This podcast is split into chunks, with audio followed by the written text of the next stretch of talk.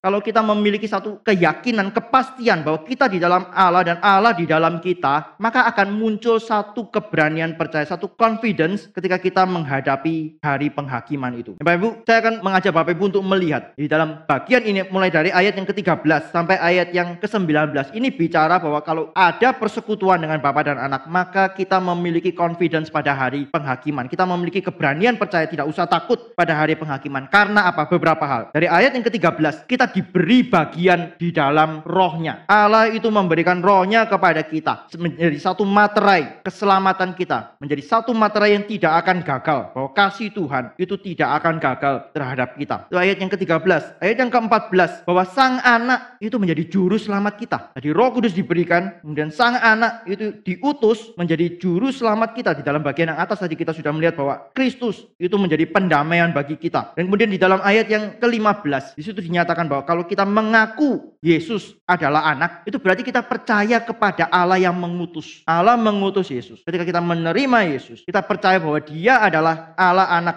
yang diutus oleh Bapa. Itu artinya kita percaya kepada Bapa. Di dalam tiga ayat ini. Allah Tritunggal. Setiap pribadi di dalam Allah Tritunggal itu terlibat di dalam mengasihi kita, menebus kita, menjamin kita. Bapak Ibu ini adalah satu hal yang pasti, sesuatu jaminan bagi kita yang tidak mungkin berubah, tidak mungkin gagal. Kalau ini ada pada kita, maka kita pasti memiliki satu keberanian percaya. Kita memiliki confidence ketika Kristus datang yang kedua kali, kita tidak perlu takut. Ayat yang ke-16 itu menyatakan, Allah itu tetap kita itu tetap di dalam Allah, Allah di dalam kita kalau kita tetap di dalam kasih. Kalau kita tetap di dalam kasih, maka tetap itu bicara terus menerus, terus menerus di dalam kasih itu menjadi satu tanda relasi kita dengan Allah. Satu tanda bahwa memang ada persekutuan dengan Allah, ada relasi dengan Allah. Maka kehidupan kita kita bisa cek dari hal ini. Apakah kita mengasihi Tuhan? Apakah kita mengasihi sesama? Ada orang-orang yang mengatakan saya mengasihi Kristus tapi saya nggak peduli sama gereja. Saya katakan nggak mungkin, tidak mungkin seseorang itu mengasihi Kristus tetapi tidak mengasihi tubuhnya. Tidak mungkin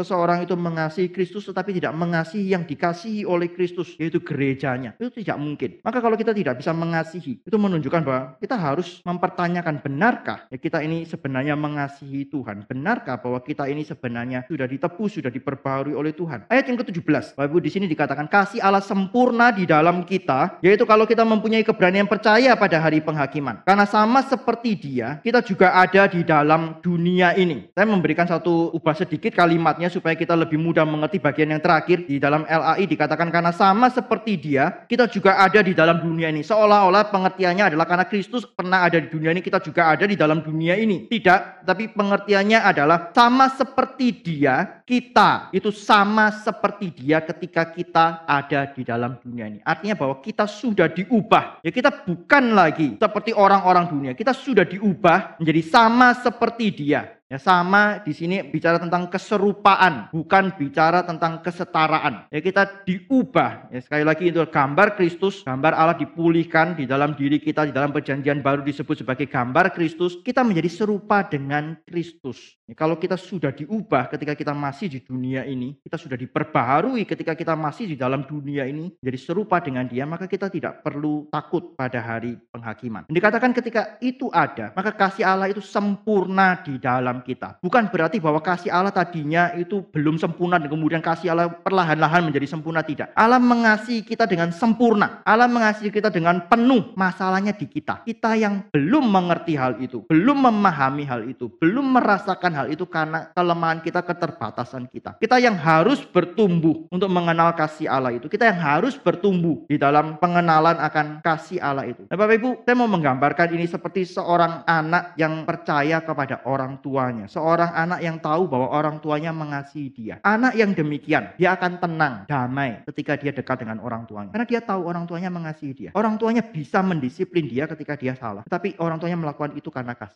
Orang tuanya bisa marah kepada dia ketika dia melakukan hal-hal yang tidak seharusnya. Tetapi anak ini tahu orang tuanya mengasihi dia. Anak ini akan memiliki ketenangan, kedamaian ketika dekat dengan orang tuanya karena percaya bahwa orang tuanya mengasihi dia. Bapak Ibu kalau kita percaya kepada kasih Tuhan, kasih Tuhan, kita mengenal kasih Tuhan, kita bertumbuh di dalam pengenalan itu dan kemudian pada satu waktu kita benar-benar mempercayai Tuhan sepenuhnya, ini yang akan terjadi. Pada hari penghakiman ketika Yesus datang kedua kali kita tidak takut. Kita tidak lagi takut dihakimi. Orang-orang dunia harus takut dihakimi karena memang mereka melawan Tuhan. Karena memang mereka tidak mencintai Tuhan. Paulus mengatakan dalam 1 Korintus 16 ayat yang ke-22, barang siapa tidak mencintai Tuhan, terkutuklah dia. Orang yang tidak mencintai Tuhan memang harus takut ketika Tuhan datang. Tetapi kita, kalau kita adalah orang-orang yang sudah mendapatkan kasih Tuhan dan kita bertumbuh di dalam pengenalan akan kasih Tuhan yang sempurna itu, itu akan menghasilkan satu keberanian percaya, satu confidence ketika kita nanti datang kepada Tuhan. Karena kita meninggal kita datang kepada Tuhan atau Tuhan datang duluan. Itu bukan menjadi satu hari yang menakutkan bagi kita. Itu bukan menjadi satu hari yang membuat kita gentar. Tapi satu hari mana kita tahu kita akan bertemu dengan Tuhan yang mengasihi kita. Bapak Ibu dinyatakan di dalam ayat yang ke-18. Dalam kasih tidak ada ketakutan. Kasih yang sempurna melenyapkan ketakutan. Sebab ketakutan mengandung hukuman dan barang siapa takut ia tidak sempurna di dalam kasih. Apakah ketika kita mengatakan bahwa saya mengasihi Tuhan, saya tahu Tuhan mengasihi saya dan saya kemudian juga mengasihi Tuhan. Apakah ketika kita mengatakan hal itu, itu juga bertumbuh. Ketika bertumbuh, tanyanya, apakah kemudian kita takut, masih takut atau tidak pada hari penghukuman? Kalau kita masih takut, itu bicara bahwa kita belum sungguh-sungguh mengerti kesempurnaan kasih Allah itu. Kita harus bertumbuh. Ini bukan berarti bahwa kita boleh main-main. Ini bukan berarti bahwa kemudian ini percaya dari diri kita sendiri. Tidak. Ini bukan bicara seperti ini. Ini bicara kita menguji diri kita. Kita harus sungguh-sungguh menguji diri kita. Apakah kita benar-benar di dalam persekutuan dengan Allah atau tidak? Benar-benar bertumbuh mengenal Tuhan. Makin mencintai Tuhan. Makin percaya kepada Tuhan atau tidak. Bukan kita main-main. Bagi orang yang